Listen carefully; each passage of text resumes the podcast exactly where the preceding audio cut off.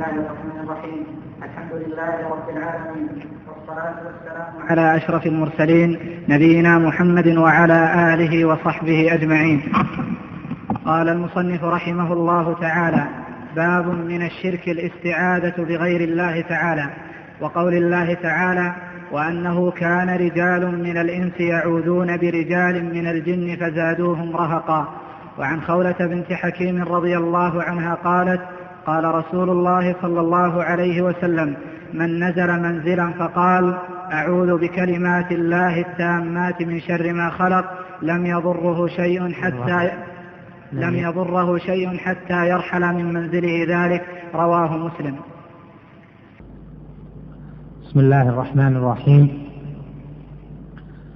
الحمد لله الذي بعث عباده المرسلين بتوحيده فأقاموا الحجة على العباد واتفقوا من أولهم إلى آخرهم على أن لا معبود حق إلا الله وعلى أن عبادة غيره باطلة وأنه ما عبد غير الله إلا بالبغي والظلم والعدوان. الاستعاذة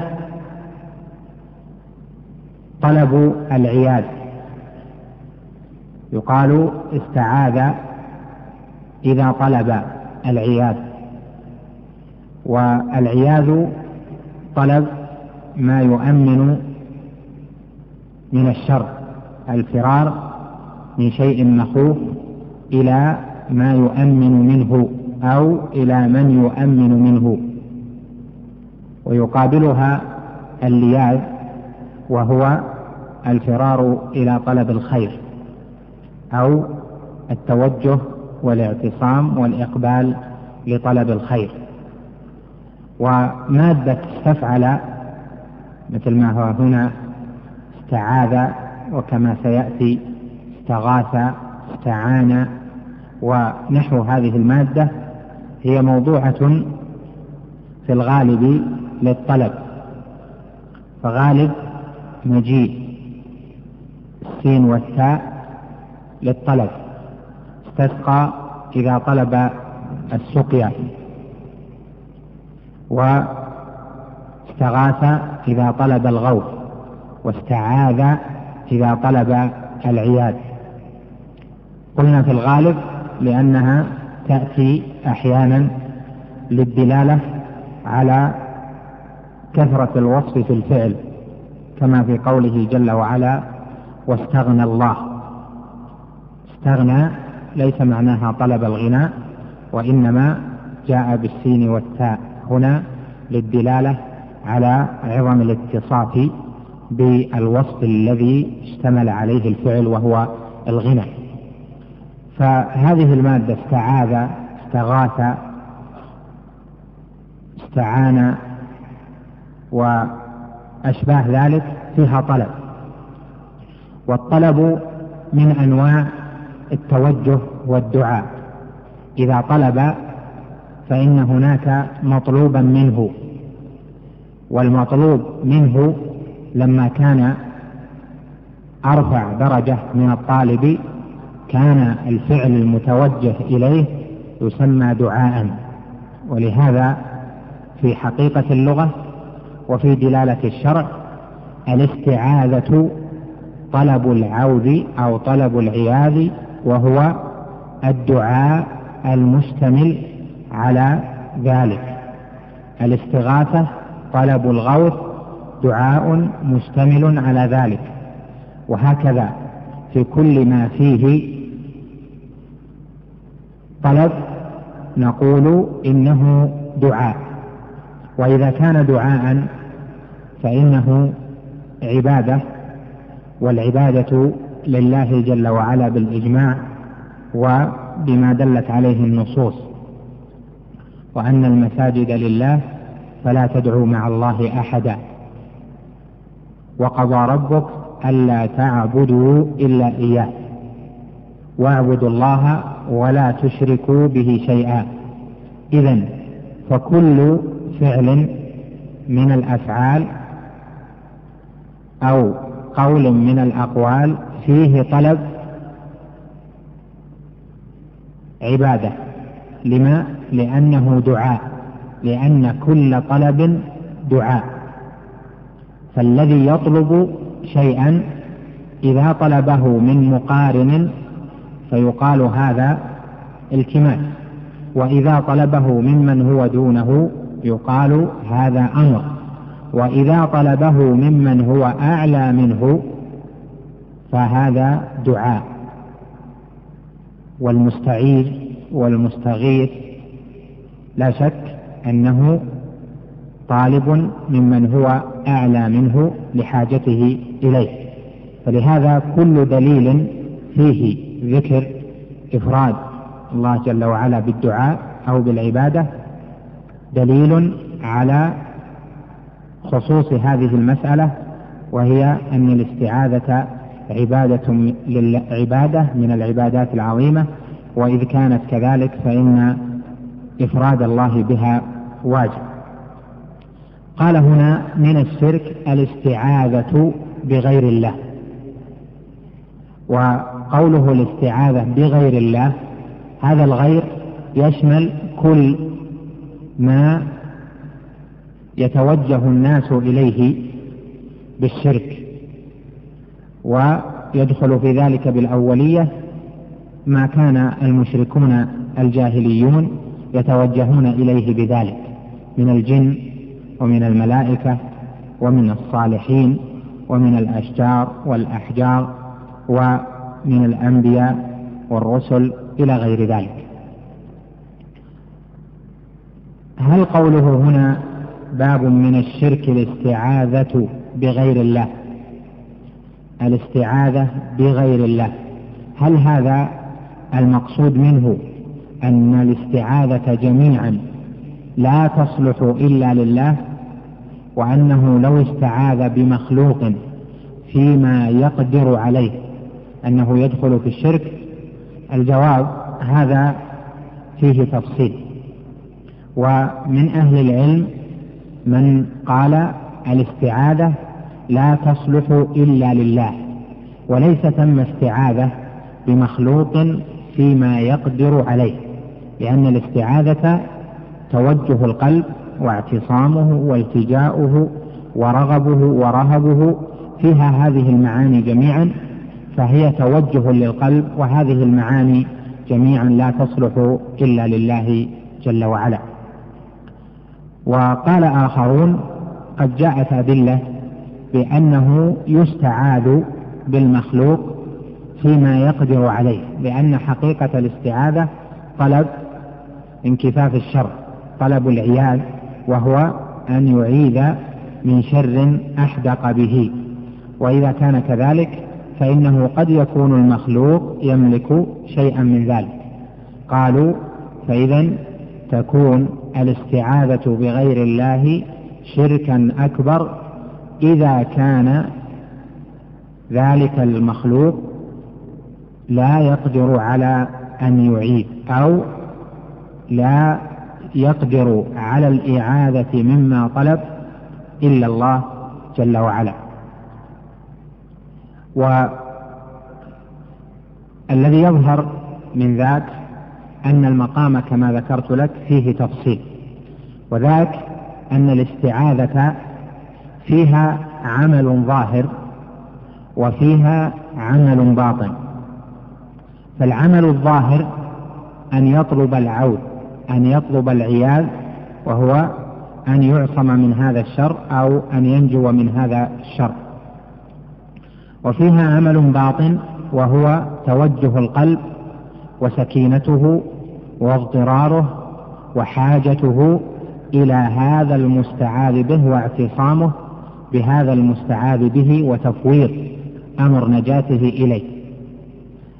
إذا كان هذان في الاستعاذة فإذا قيل الاستعاذة لا تصلح إلا لله يعني لا تصلح إلا بالله لا يستعاذ بمخلوق مطلقا يعنى به أنه لا يستعاذ به من جهة النوعين جميعا. لأن منه القلب يعني النوعين معا لأن منه عمل القلب وعمل القلب الذي وصف بالإجماع لا يصلح إلا لله جل وعلا. وإذا قيل الاستعاذة تصلح للمخلوق فيما يقدر عليه تصلح بالمخلوق فيما يقدر عليه فهذا لما جاء في بعض الأدلة من الدلالة على ذلك وهذا إنما يراد منه الاستعاذة بالقول ورغب القلب في أن يخلص مما هو مما هو فيه من البلاء. وهذا يجوز أن يتوجه به إلى المخلوق. فإذا حقيقة الاستعاذة تجمع الطلب الظاهر وتجمع المعنى الباطن ولهذا اختلف أهل العلم فيها. فالذي ينبغي أن يكون منك دائما على ذكر أن توجه أهل العبادات الشركية لمشركيه لمن يشركون به من الأولياء أو الجن أو الصالحين أو الطالحين أو غير ذلك أنهم جمعوا بين القول باللسان وبين أعمال القلوب التي لا تصلح إلا لله جل وعلا. وبهذا يبطل ما يقوله أولئك الخرافيون من أن الاستعاذة بهم إنما هي فيما يقدرون عليه وأن الله أقدرهم على ذلك. فيكون إبطال مقالهم راجعا إلى جهتين الجهة الأولى أن يبطل قولهم في الاستعاذة وفي أشباهها أن هذا الميت أو هذا الجن يقدر على هذا الأمر. وإذا لم يقتنع بذلك أو حصل هناك إيراد اشتباه فيه فالأعظم أن يتوجه المورد للأدلة السنية أن يتوجه إلى أعمال القلب وأن هذا الذي توجه إلى ذلك الميت أو الولي قد قام بقلبه من العبوديات ما لا يصلح إلا لله جل جلاله. إذا فنقول الاستعاذة بغير الله شرك أكبر لأنها صرف للعبادة لغير الله صرف العبادة لغير الله جل جلاله. فإن كان ذلك في الظاهر مع طمأنينة القلب بالله وتوجه القلب إلى الله وحسن ظنه بالله وأن هذا العبد إنما هو سبب وأن القلب مطمئن فيما عند الله فإن هذه تكون استعاذة بالظاهر وأما القلب فإنه لم تقم به حقيقة الاستعاذة. وإذا كان كذلك كان هذا جائزا. قال رحمه الله وقول الله تعالى وأنه كان رجال من الإنس يعوذون برجال من الجن فزادوهم رهقا. وأنه هذه معطوفة على أول السورة وهو ما أوحى الله جل وعلا إلى نبيه.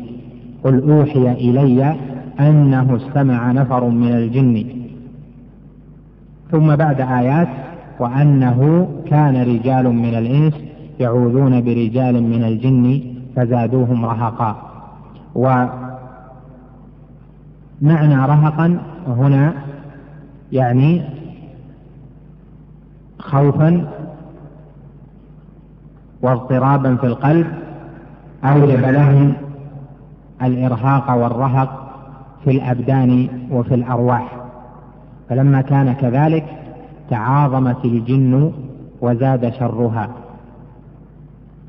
قال وأنه كان رجال من الإنس يعوذون برجال من الجن. وقد كان المشركون إذا نزلوا بواد أو بمكان مخوف كانوا يعتقدون أن لكل مكان مخوف جني أو سيد من الجن يخدم ذلك المكان هو له ويسيطر عليه. فكانوا إذا نزلوا واديا أو مكانا قالوا نعوذ بسيد هذا الوادي من سفهاء قومه يعنون الجن. فعاذوا بالجن لأجل أن يكف عنهم الشر مدة مقامهم. لهذا قال جل وعلا وأنه كان رجال من الإنس يعوذون برجال من الجن فزادوهم رهقا. فزادوهم يعني زادوا الجن الإنس خوفا واضطرابا وتعبا في الأنفس وفي الأرواح. وإذا كان كذلك كان هذا مما هو من العقوبة عليهم. والعقوبة إنما تكون على ذنب فدلت الآية على ذم أولئك وإنما ذموا لأنهم صرفوا تلك العبادة لغير الله جل وعلا. والله سبحانه أمر أن يستعاذ به دون ما سواه. فقال سبحانه قل أعوذ برب الفلق. وقال قل أعوذ برب الناس. وقال قل ربي أعوذ بك من همزات الشياطين وأعوذ بك أن يحضرون. والآيات في ذلك كثيرة كقوله وإما ينزغنك من الشيطان نزغ فاستعذ بالله فعلم من التنصيص على المستعاذ به وهو الله جل وعلا على أن الاستعاذة حصلت بالله وبغيره وأن الله أمر نبيه أن تكون استعاذته به وحده دون ما سواه. وذكرت لكم أصل الدليل في ذلك وأن الاستعاذة عبادة وإذا كانت عبادة فتدخل فيما دلت عليه الآيات من إفراد العبادة بالله وحده.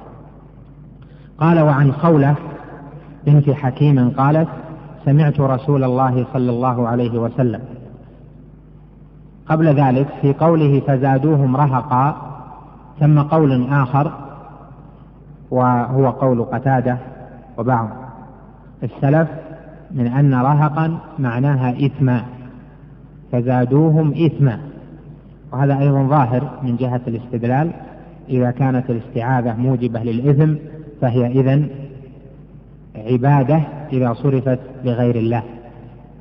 وعبادة مطلوبة إذا صرفت لله جل جلاله. وهذا يستقيم مع ترجمة من أن الاستعاذة بغير الله شرك.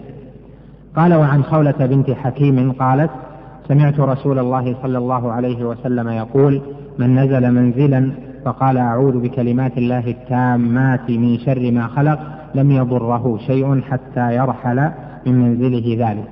رواه مسلم. وجه الدلالة من هذا الحديث أن النبي صلى الله عليه وسلم بين فضل الاستعاذة بكلمات الله.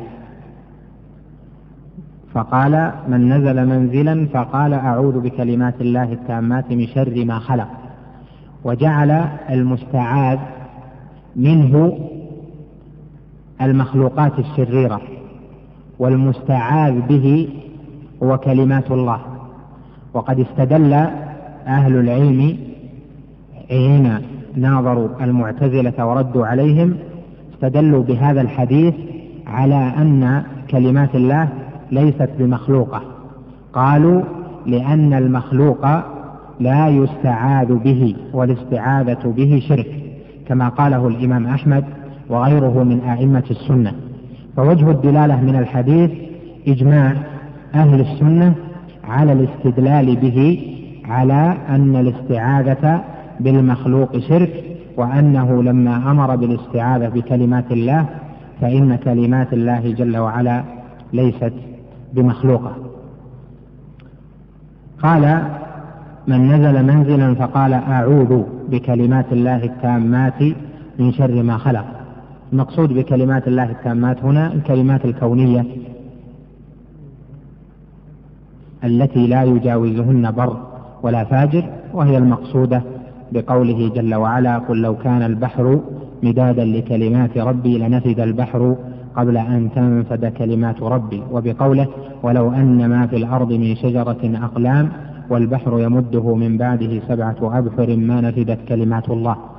وتمت كلمة ربك صدقا وعدلا. وفي القراءة الأخرى وتمت كلمات ربك صدقا وعدلا. هذه الآية في الكلمات الشرعية وكذلك في الكلمات الكونية.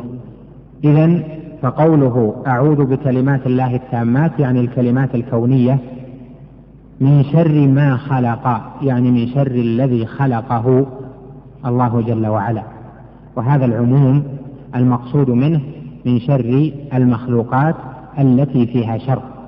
وليست كل المخلوقات فيها شر بل ثم مخلوقات طيبة ليس فيها شر كالجنة والملائكة والرسل والأنبياء والأولياء.